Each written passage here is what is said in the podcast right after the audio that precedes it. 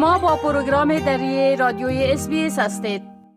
حال جاوید روستاپور خبرنگار برنامه دری بر جنوب آسیا درباره تازه ترین رویدادها در افغانستان معلومات میتن آقای روستاپور سلام عرض می کنم خب اولتر از همه گفته میشه که مردم در مقابل بسته شدن مؤسسات تعلیمی در ولایات قدنهار و هلمند از جانب طالبا واکنش های بسیار تندی نشان دادن. بله؟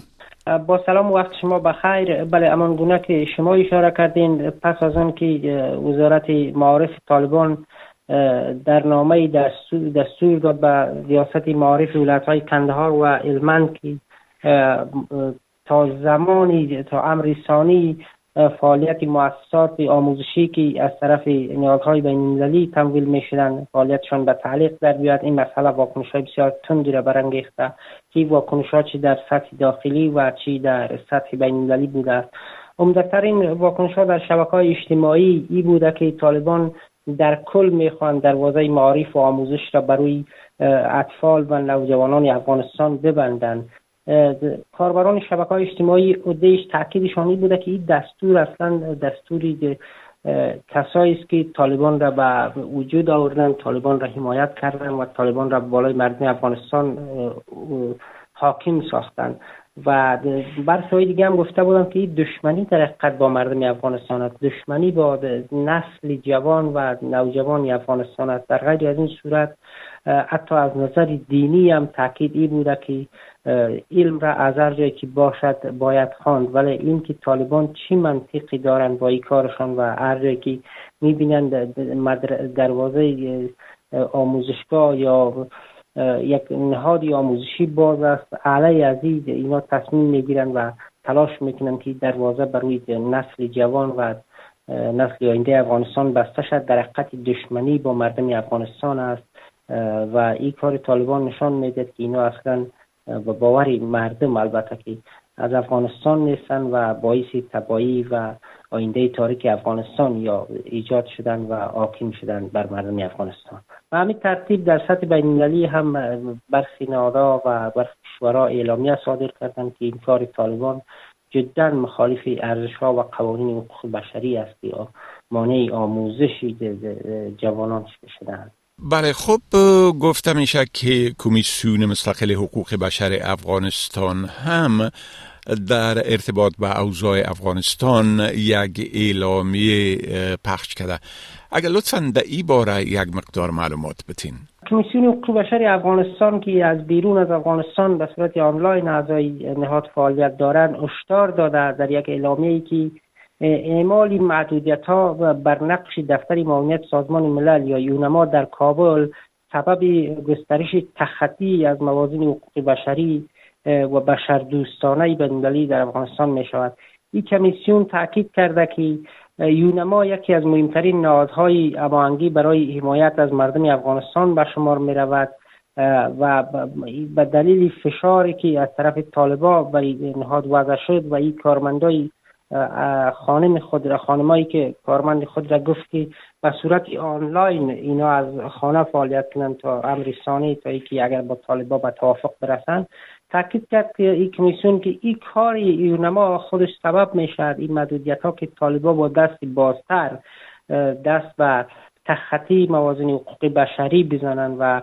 این موضوع سبب می شود که خصوصا در مناطق دوردست و در ولایات طالبا هر چیزی از دستشان بیاد و بر باور خودشان کار درست باشه این را انجام میدن این کمیسیون تاکید کرد که سازمان ملل یا یونما باید در هماهنگی با دیگر نهادهای جامعه مدنی و فعالین مدنی تصمیم بگیرد که فعالیتاش از سر بگیرد و از وار نظر بخواهد چی باید کنن. و همچنین بخش دیگری از اعلامیه کمیسیون حقوق بشر ای است که جهان باید باید دیپلماسی و باید طرح جامعتر در برابر طالبان اقدام کند تا اینا را وادار کند که به خصوص دروازه های پانتونا و مکاتب برای دختران باز کنند و همچنان اجازه بدن که خانم ها در هر نهادی که کار می‌کردن کارهایشان را در بیرون از خانه البته خانم های شاغل کارهایشان را از سر بگیرند. اما در گذشته همچنین اعلامی های صورت گرفته بود ولی طالبا به همون عرفی خود تاکید داشتن و فعلا هم عرف خود را بازم تاکید کردن در پاسخ به اعلامیه کمیسیون بشر در شبکه اجتماعی خب گفتم میشه که مسلمانان شیعه در افغانستان هم به یک اعلامی طالبا مبنی بر ای که مسلمانان شیعه در تجلیل اید باید احکام ستر محکمه طالبا را پیروی بکنه عکس های نشان دادن بله؟ بله طالبا تاکید کردن که در ادامه البته محدودیت های مذهبی که یا چندین مورد دیگه هم داشتن تاکیدشان ای بود که به تازگی که شیعیان باید مطابق احکام سر محکمه امارت اسلامی ایدی فطر را برگزار کنند در حالی که در سالهای گذشته برخی اقلیت های مذهبی از جمله اهل تشیع اینا مطابق با اصول و عنعنه خود و برخی کشورهایی که مذهب رسمیشان از جمله ایران علی تشیع بود اید را به اساس اعلام این کشورها برگزار می‌کردن و حکومت هم کاری نداشت به کاری از یا ولی امسال طالبا وقتی گفتن که مطابق دستور محکمه امارت اسلامی باید عید فطر برگزار کنند واکنش های زیادی بود.